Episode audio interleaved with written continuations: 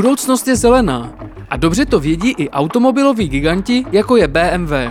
O tom, kam německá značka, proslavená svými dynamickými, technologicky vyspělými vozy míří, o elektromobilech i budoucnosti mobility, ale i o novém modelu BMW iX a radosti z jízdy, ve Forbes Brand Voice podcastu hovořil generální ředitel BMW Group Česká republika Federico Ico a zakladatel společnosti Time is Limited a první majitel BMW iX v Česku Jan Řežáb. Welcome to the next episode of the Forbes podcast. My name is Zuzana Krajičková and I would like to welcome my two guests, the General Manager of BMW Group Czech Republic, Federico Izzo, and Jan Řežáb, founder and CEO of Time is Limited, and the proud first owner of BMW iX in the Czech Republic. Welcome, gentlemen. Thank you. Thank you very much. Hello. First question, the obvious one. When you say BMW, what's the first thing that comes to your mind? Federico. I mean, Federico, yes. Um, as a general manager of BMW in this country, is clearly uh, super uh, combustion engine performances. Honzo. Uh, for me, um, it's always a BMW guy, and uh, I kind of my my second car, which is I, I saved money for, was a BMW. Then I had four or five more, and then because you know there was sort of a lack of an electric choice on the market when i went electric i went with another brand. And then you know it's kind of fell back into my heart with uh, the ability to to uh, be able to buy a BMW iX. So that was that was fantastic. When did you buy your first BMW do you remember yes uh, I was I think 18 years old why did you buy this particular car?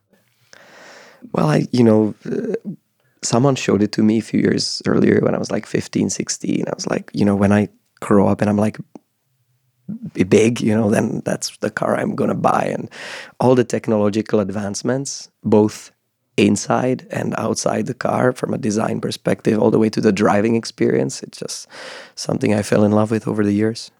Federico, you've been working for BMW for 13 years now. Yes. Do you remember your first BMW and was it before you became an employee? It was much before because my grandfather was a BMW lover. Hmm? He used always to drive a 5 Series at the time. Um, so for me, it was kind of uh, memories from the past. And when in 2007, uh, while I was working for other brands in the Italian market. I got the opportunity to join the BMW group. For me, it was not only a professional uh, achievement, but it was also like um, a kid's dream to, to work for a company that was making at that time my grandfather so proud to take out of the garage his 5 Series uh, uh, in the in the late 70s. So it's 14 years now that I'm joining the BMW group, and uh, every day it's a new challenge. Uh, like uh, uh now here in Czech Republic, for me, it's not only a great cultural, I would say, clash and discovery every day, because as a, also Italian working here, it's a, um, it's a kind of cultural clash, but also a lot of excitement, and because we're going through some changes every day they are even faster than we could expect uh, since my grandfather parents. And it's um, uh, it's a great moment to be also here now working in BMW in Czech Republic. Can you tell me what's your most uh, favorite model of all time? All time. Yeah. Is there one? I mean, I think that in terms of design, we have been through some great pieces of uh, of art because for me design it's part anyway of the art um, landscape um, m1 from has been a, a, great success from the past the, fi- the first five series clearly. E92 e93 so i'm talking about uh, three series coupe. Uh, it was uh, 2008 hmm? x5 the, um, the the first one i would say. And uh, clearly now the iX. Mm, the iX for me represent um, a piece of design and technology, but this we can talk later. Um, now in uh, in in every city, that is uh, quite a shock for me. Honzo, is uh, iX also your favorite uh, model of BMW? Actually, from a design perspective, it's uh, it's not the iX, it's the i8 from a design perspective. But uh, you know, practically with you know a large family and cats and skis, it's not a feasible day to day day to day vehicle. So uh, the iX for me is second, but th- what I like most about the like the design is the interior bit, and I think like when I go to any car and then I move to the iX interior, it's just suddenly like it it it's you know you coming from a different generation. It's like going from economy to first class cabin. It's just different. What reactions do you get when you tell someone that you drive an electric car? Well, it's it's it's, it's very funny. Um, some of these reactions that I that I get, but the most common ones are, I guess, you know, are you cold like in the car? You know, because I, you know, it's not producing warmth itself. So, and I, It's logical if you want to get somewhere, you ju- you either drive or uh, put on the heating. Yeah, yeah, so that's what I guess people think that. I, I really don't understand where that kind of myth uh, of, of electric cars and being cold uh, really came from. I I don't know some early models if they really were cold or not. I'm very warm in my vehicle and I can be warm for a long period of time. Sorry, uh, are you telling me that you may even listen to music? It's, uh, yes, yes, yes, and give myself a great massage while at it. So I, I- just did like the the, I would call it even the Czech electric car test. I went from from Prague to uh, you know the the Austrian Alps, you know, uh, in one go. Uh, no charging required. So that's like, you know, and I had a full car, uh, three skis, one snowboard, you know, four people. So, uh, and it was minus five to minus 11 actually that, uh, that day. And yes, we had heating, really, indeed. So it was fantastic. And music and massages.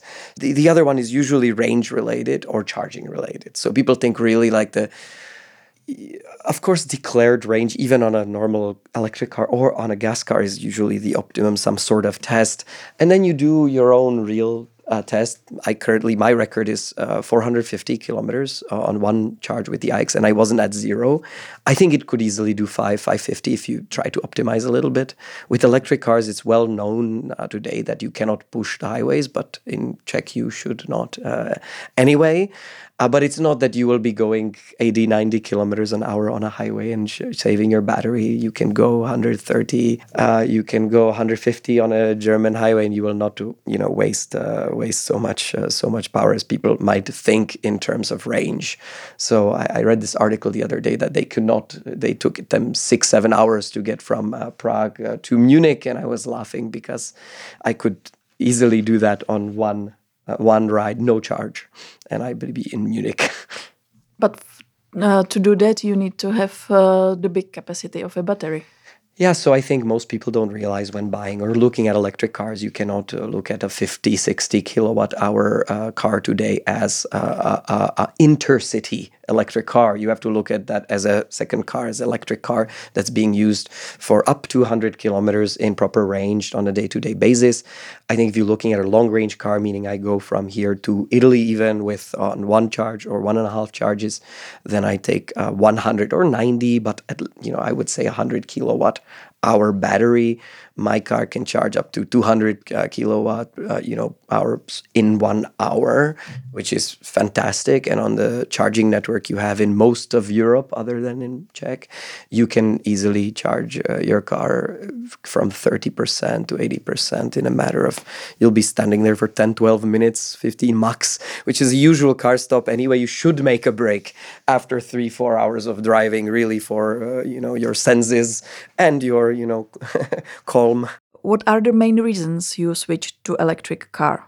For for me, I uh, as I mentioned, I, I really wanted to go electric for a long time. I was just waiting for the technological advances, And for me, um, an electric car is not a hybrid, is not a car with uh, a 30, 40, 50, 60 kilowatt hour battery. So when the first kind of cars were hitting the market with 80 plus, that's actually what I bought. I bought the first available 80 plus kilowatt hour battery on the market. And um, the sort of I upgraded that vehicle just after riding it for nine months because 85 was just, it was great. And I managed, but uh, the BMW iX has a over 100 kilowatt hour battery. It's one of the highest currently highest available ranges on the market, and I think like that's a proper electric car. And I went electric because I uh, want not to kind of pollute locally, and uh, that's one thing. And second thing, it's just the experience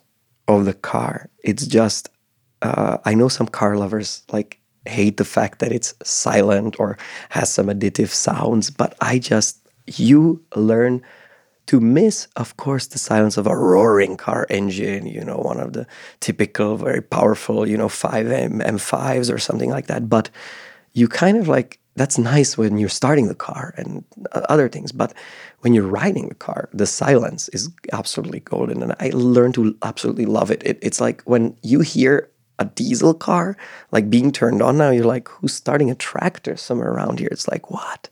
You took the question right out of my mind and my mouth. Uh, i wanted to ask if you don't miss the roar of combustion engine in the electric cars. Federico don't you miss you are an italian? Yeah. part italian.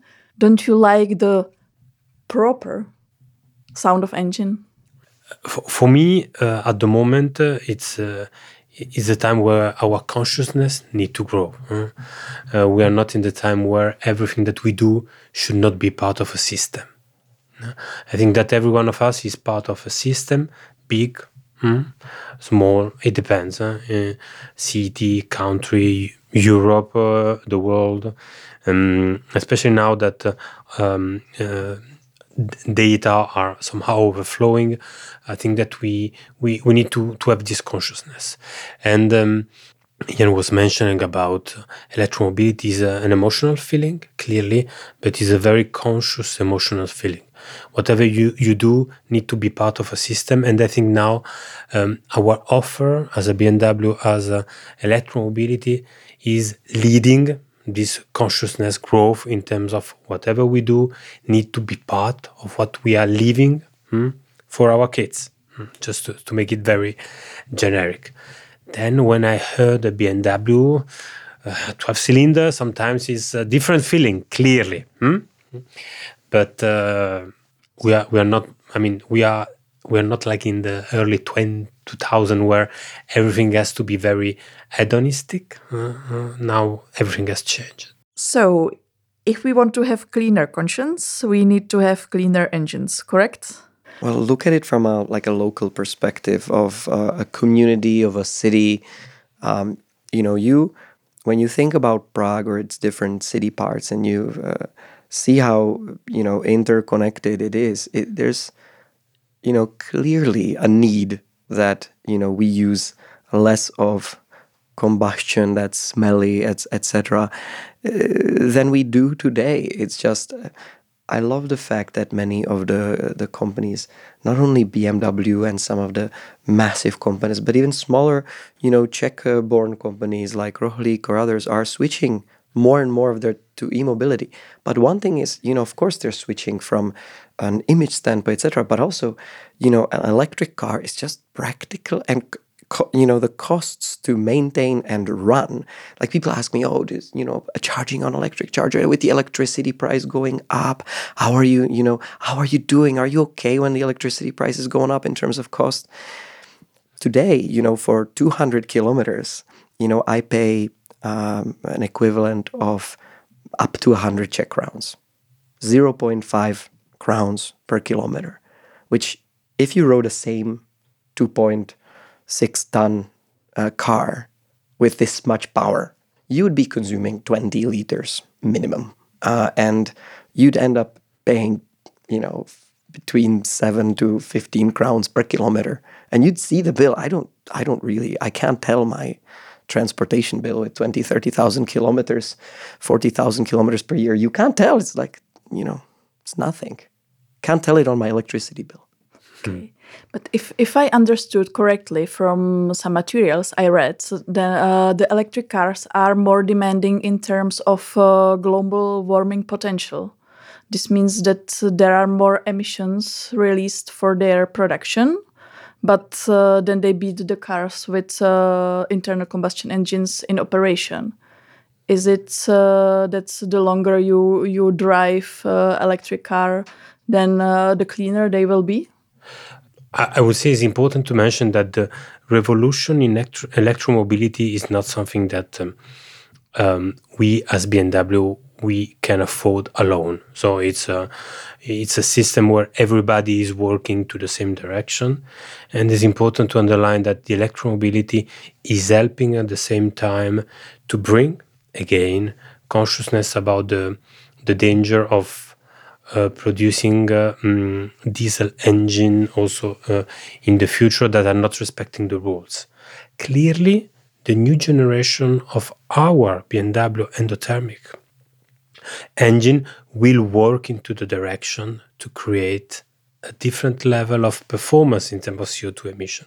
So I would say the electric evolution is evolution because it's really changing not only how people are addressing the, the mobility within the city or outside the city, and Jan here is clearly, I would say, the the the first, uh, the, the early buyer, but also the, the ambassador in this sense, um, but also is is driving all the changes, and also in terms of production, this is happening.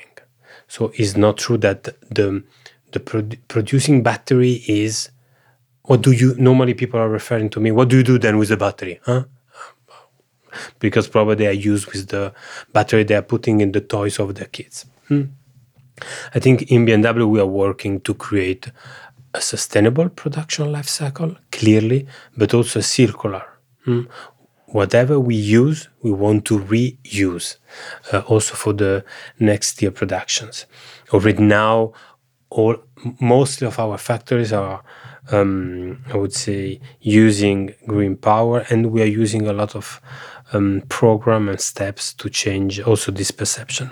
I think that uh, electromobility is inevitable at all levels, and we need to have not only some customers that are understanding this, but also in general all the stakeholders. I'm talking about also some municipality here in Czech Republic, where at the moment I would say, in terms of support and democratization of the electromobility, we are pretty, pretty, pretty late. And is the communication here and the cooperation getting better? I, I cannot judge. Mm, I'm trying to communicate. I'm trying to collaborate. Probably the, the language is still a barrier for me. So as soon as I will be learning Czech, perhaps I can communicate. Um, but the feeling is that um, um, this electromobility is perceived like a luxurious topic. For me, it's not. This is about people. It's not about people that have money. So you don't think that uh, sustainability is the new luxury? No, this is this is really the wrong angle. Sustainability is our everyday, um, I would say, task. Honza, what's your opinion? Sustainability is a necessity, right? I mean, I I have uh, children and I, you know, want to leave the, you know, world a better place. And I think we, we as a combined sort of several generations that are alive uh, today are, you know, responsible. It's not, you know, we've sort of, if, if I look at my, my grandparents and the, they were very sustainable. They were very circular economy. Everything they used and farmed and built, they used and ate and reused and composted and re- redid, you know. And they were coming up on a time where, uh, and you know, they had forests, they chopped down the tree and then they used uh, the wood and they took the ash, put it in the field again and reused it for composting again. And uh, then planted trees on the place of the place and then they mined the wood, you know, uh, 20, 30 years later. And so, uh, I just think we have to figure out what that is for us. I think that's changed in the last 50 to 70 years is obviously we've started consuming more and more and more, and it is simply unsustainable. It's just in any way you look at it. And, you know, we, I, I'm, I'm, I'm a sort of sustainable realist. I, you know, I don't believe that 100% of us becoming vegan tomorrow is just the solution and the ultimate help. Plus, the world kind of needs animals also for other countless other things like fertilization and many many many other circular things. And so for me it's it's giving you know having the opportunity to give back and uh, you know talking about government support we just we just don't have any. There's a lot of there's a lot of talk. There's you know more tweets about sustainability from the mayor of Prague and from the government than there are currently good sustainable efforts. And yes, you know, a mayor can plant one million trees in the suburbs, in the outskirts of Prague. But have I seen a new tree in Prague? One, two, three, four, maybe one. I don't know, maybe a few. Um, but really, like when then there's zero support for building, having a green roof. Uh, there's a uh, a fund that will pay you, but the the, the Czech protection authority, uh, Prague protection authority, will not allow you to build a green roof, or will not allow you to, and that's more green that you can build on five streets around uh, current at currently, unless you cancel the sidewalk or cancel the parking spaces, which I don't think is doable at this political climate. And then uh, you know they won't even allow you to put a solar roof on your on your building. They say literally, I'm quoting, over our dead bodies. And you know, I, I, hope it's earlier than over their dead bodies uh, in, in in Prague because otherwise, it's you know we have to do something, right? Um, that, that's part of it, right? If we if we uh, allowed uh, most of the electricity to come from low carbon and no carbon, zero carbon sources, then more problems are solved. If and that's just one of the pieces of the puzzle we have to remind ourselves. But I think companies committing to it that they will do it, that they will buy green energy, make green energy. They will become uh, zero net, uh, neutral themselves. That's fantastic. And that's we need more and more of the society subscribing to this. We are discussing sustainability, and BMW has the whole strategy, your own green strategy mm -hmm. uh, for uh, many yep. years, years, to come. Uh, you are talking about a holistic approach that sounds uh, quite uh, philosophical. What can we imagine under that? The, the, the terms of holistic is quite uh, philosophical. Yes, I agree. Um, it means that we are trying anyway every day on every aspect of uh, our company to to work versus these uh, sustainability targets. It means that from um, administration to sales to marketing to producing car, we try to work versus our sustainable KPI. Huh? It, it, means also that the, how we are planning the future of our cars in the next years, and we're talking about a new platform already in 2025, is clearly versus a carbon neutral approach. Hmm? So it means that everything that we think from A to Z need to have this as a foundation. It means that this is the first time that uh, as a company that uh, is uh, putting uh, our sustainable KPI and our financial KPI on the same level. And this is not BMW. This is the world is telling us that uh, if you if you do not have a very strong sustainable strategy, no one from the stock market will look at you. For example, huh? so it's true. I mean, we have some. It's already years that um, some of the biggest hedge funds are already declaring that uh, um, uh, the access to some markets are precluded for the companies that they do not have this kind of strategy. And this is what we're trying to do. Uh, but not only financially, also because from a, um, a corporate culture, hmm, we are also going back to what uh, Ia was saying. Um, the, the system and the surrounding where we are living is as important as our corporates, factories, or our corporate uh, office or our dealers. So um, uh, we need also to consider that uh, we are not in this world just to produce car, but we want to create our sustainable way to have a very sustainable mobility um, from uh, uh, which kind of uh, material we are sourcing, from where we are sourcing this material, what is the usage that we are doing of these raw materials, and what is the life cycle of those materials. It's important to notice that BMW is putting a lot of investment on uh, on having a proper strategy versus uh, mm, a very technological, sustainable future. Um, us, like other German, Italian, French, European companies, if there will be a state or a municipality that is not looking at this movement with activity and proactivity, they will be too late to participate to those investments. Because as BMW, for example, we are still investing in the Czech Republic. We are creating the first and um, the most important uh, test drive center for autonomous driving mm, in the region of Karlovy Vary. It's a multi-million investment that we are doing since years. But this is also because we are working in an area where our um, sustainable KPIs are having some pragmatic. We are changing a coal mine. We are changing the the the, the structure of the, of that area.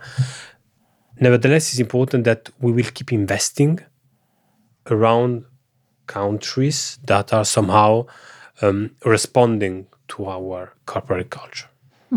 And is the Czech Republic responding? I mean, the customers, because the government we've already discussed. The government is somehow um, was giving some, I would say, polarizing signal. hmm? Very supportive, not supportive. Um, so quite bizarre to uh, to, to, to, to, to, to, read.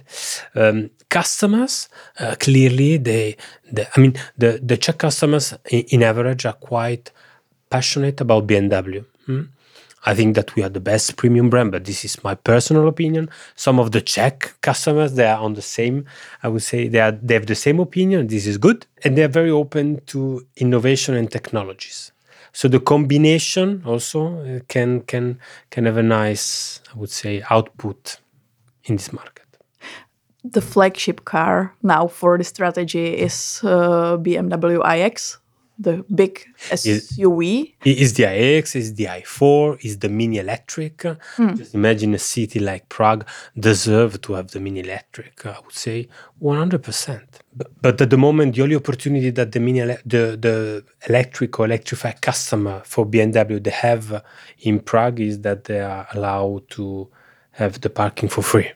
If we stick uh, to iX, uh, what are the goals on the Czech market for you? We have already sold all our 2022 production. hmm?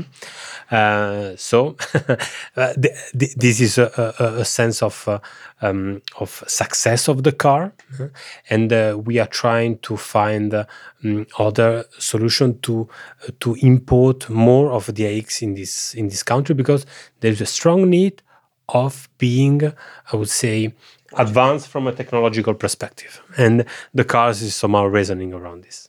So it's great news for you, but not for the cus- potential customers. I know. And if it's not a good news for the customer, it's not for me. So I'm trying to catch up. Will there be enough cars for the market with the problems with missing chips? Absolutely. We are mm, in the BMW corporate uh, production planning. All the electric car, they have, uh, I would say, priority number one. So some of others will will suffer a little bit for the for the actual, I would say, shortage of cheap and other material, but not for the car that are CO2 neutral. So you can see the big potential for uh, iX here on the Czech market. For the IX, there is a lot of potential. Yes, I agree. Honza would agree as well. Well, but, yep, absolutely. Since uh, you know, uh, since um, I started driving the car and uh, my friends started uh, noticing, uh, many of them have tried to uh, purchase one, and we're like, "When is it? When can I? When can I get it?" It's like, "Oh, in February."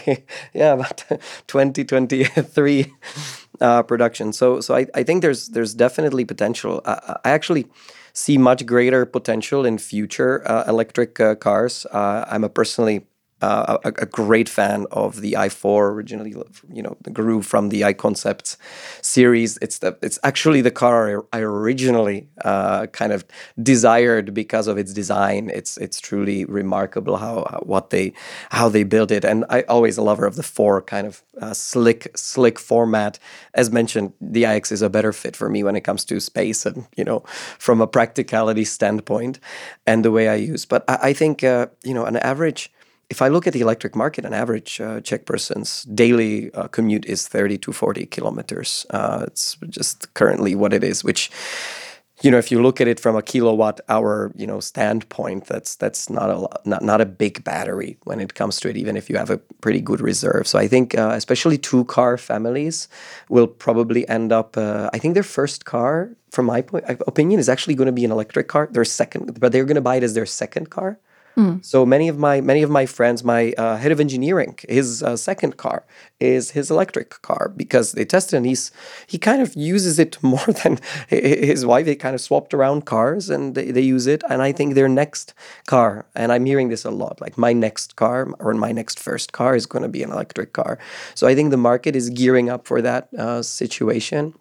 And I also think, of course, price plays a big factor. And I can see that uh, there will be, as you increase economy of scale, I think that will affect price at, at scale as well. Do you plan to have electric cars for your whole company? Well, we don't do company cars, and we we encourage uh, alternative uh, forms of transportation for for everyone. And I'm trying to be, you know, uh, also, you know, um, walking and using micro mobile, micro e mobility in in Prague, as you as you're aware, with my unicycle, electric unicycle around, uh, for micro commutes. I think that's actually the, the best and the, the future. We're always talking about cars as the only solution to every transportation need, but there are countless other great forms of of, uh, of transportation. So, but but we see you know companies announcing that they will go electric with their fleet every day, which is I think that's the more important where the volumes are, right? We touched the topic of circular economy. Uh, you're a car producer. Could you give us some examples? How does it work? It's true that um, mm, uh, in, in last year we launched um, the concept of the rethink, reimagine, rethink, and reuse. mm. Uh, because uh, I think it's important that we, as a car producer or mobility provider, we see ourselves as capable not only to use uh, some material that have been already used. mm, Sometimes also in uh, in our own factories, we are we are doing this, but also producing car that is completely coming from a circular economy. We are not there yet. Is it possible? We our target is to be at least after 2030, more 2040, mm, capable to do it 100 percent. Um, it's an ambitious target because from an industrialization perspective it's a quite a challenge we already presented a concept in that sense of a fuel electric car that uh, was a bmw i vision in terms of circular economy wonderful in terms of design particular i would say but also that was going to this direction but this is part of our um, roadmap to sustainability. So thinking already in 2040, capable to have cars that have been uh, using material that have been already used, and this is also part of uh, of our roadmap. Honza, do you think it can be done? if BMW was the only company that announced this, I would think it, it is absolutely nonsense and crazy. But I think we are entering a phase where there will be a social contract uh, sort of in society. And I think um, I love the EU because actually it's vast regulation. Because I think uh, I'm seeing my friends in the US and Asia kind of suffer from the fact that there are regulation in some areas. But I think where EU has fallen behind a little bit is kind of committing the companies a little bit more aggressively to to these. And I think now we're starting to play catch up with the you know new new uh, sort of European green uh, green deals, etc. But I think that's a problem. We're in defense position, and I, I'm a little bit worried that the government has become inefficient in employing uh, and activating its green strategies, and I'm worried where the money will land. If you know, you see in Spain, it lands at uh, uh, making you know hundred million dollars, then end up in a in a place where making movies greener.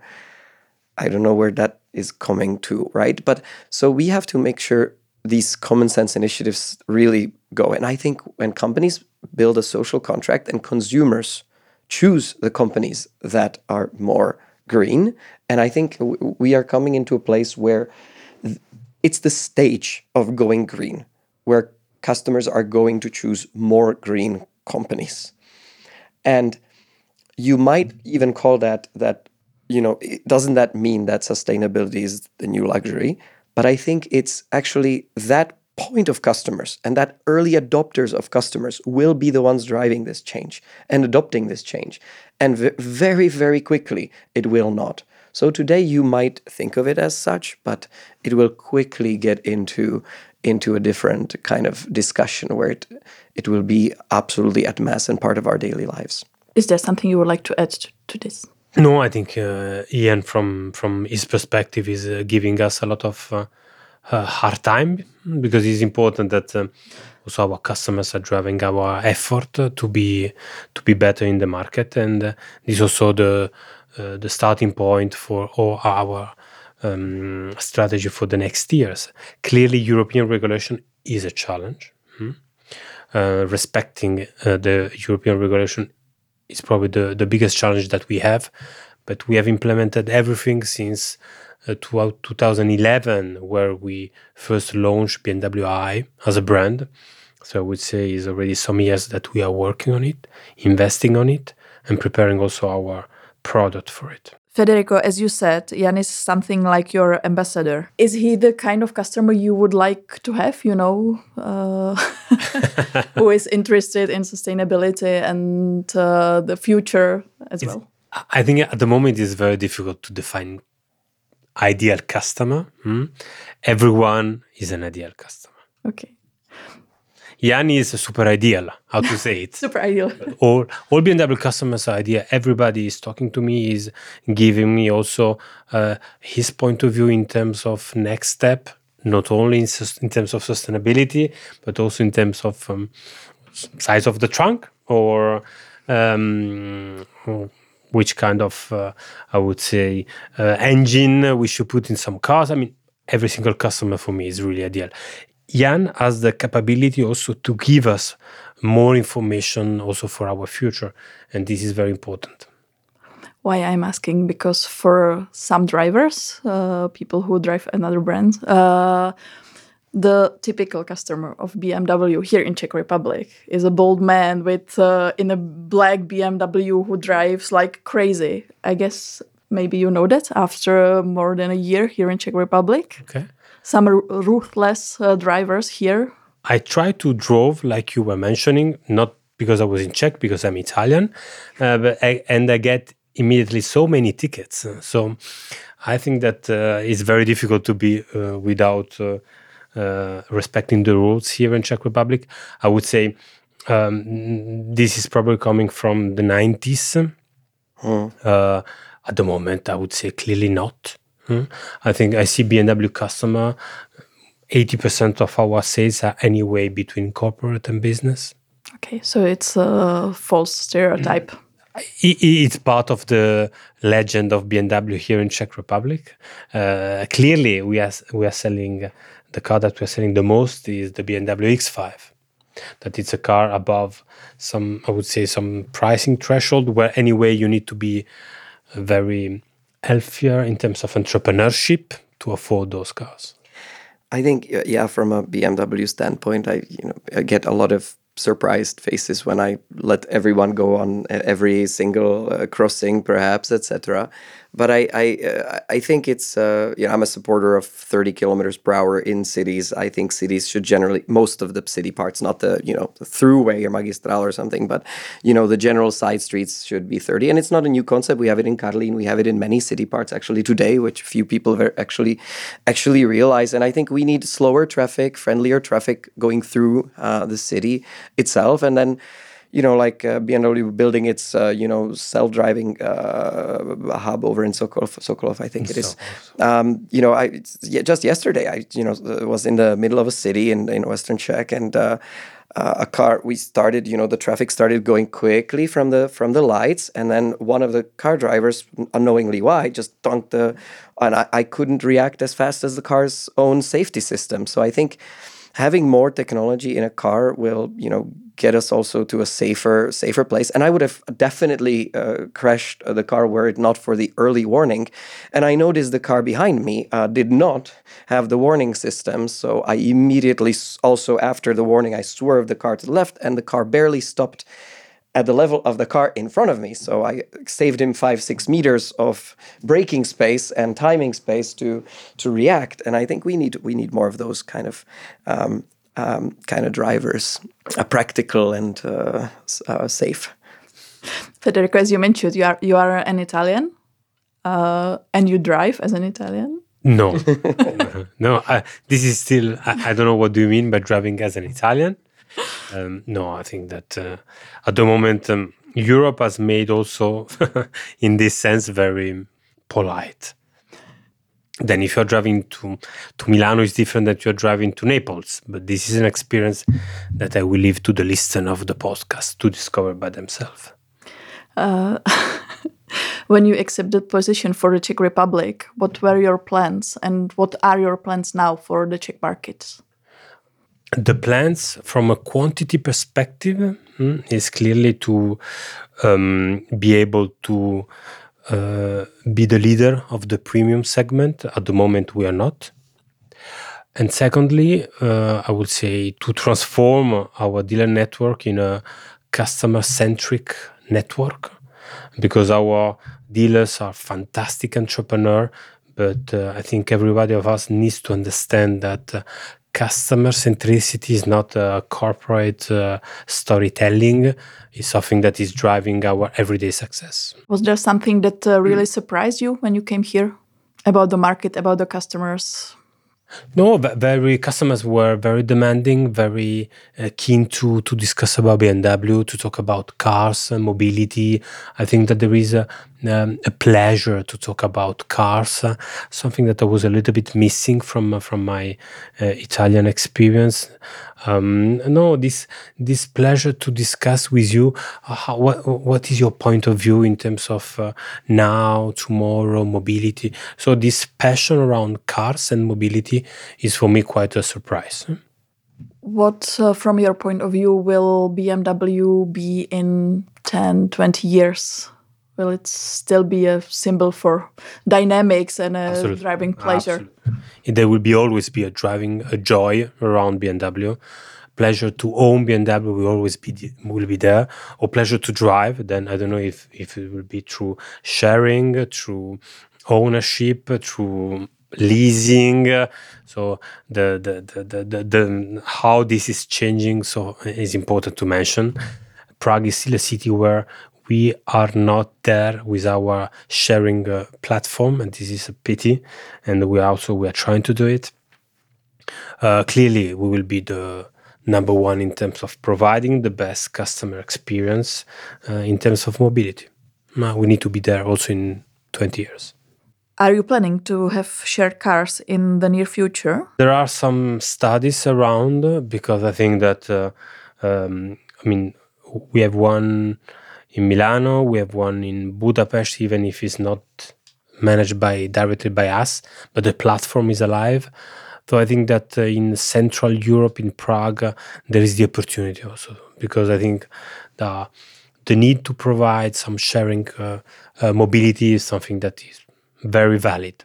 Uh, if I imagine car sharing today, today or in the future versus a few years from now, you needed to you know, jump through hoops, uh, sign up a form, give your, you know, uh, sort of 25 minute registration, then some waiting for approval. Today, like if if uh, I imagine what it could be, especially owning the BMW iX, uh, you know, I walk up to my car and uh, and you know four meters away it greets me and uh, 20 30 centimeters away using the new absolute new technological standard which is only today in the bmw ix using the sort of some some short range chip. It opens the car and also starts it, and uh, no hacks, just available in my iPhone in my car key. I don't have to do anything. I don't have to touch anything. I just just starts with my watch or my iPhone. And I think if you imagine sharing like that, you know, where you walk up to uh, any e-mobility device which is shared, uh, and you walk up to a BMW car parked on the street with an ad on the side and just you know get straight in and it bills your bills your uh, apple account tells you what you're going to pay and bills you based on the driving i think you know that's a very different experience than before than you know years ago. So i hope that i even if if this came i can imagine using it even in the city of prague and uh, in different occasions.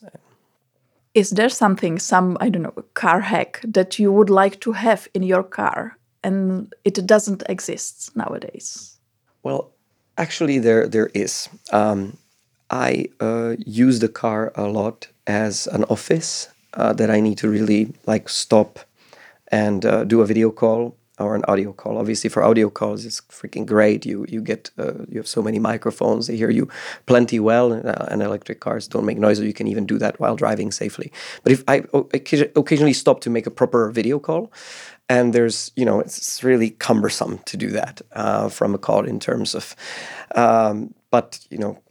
Essentially, you have a heated office uh, with you anywhere you go, and uh, and uh, so that that's very very useful kind of conference spot place when you have nowhere else to go and in terms of privacy and in terms of so i think that's a quick one i can think of now so both of you think that we are ready for the electric future or are we getting there I think that uh, Jan is ready, hmm?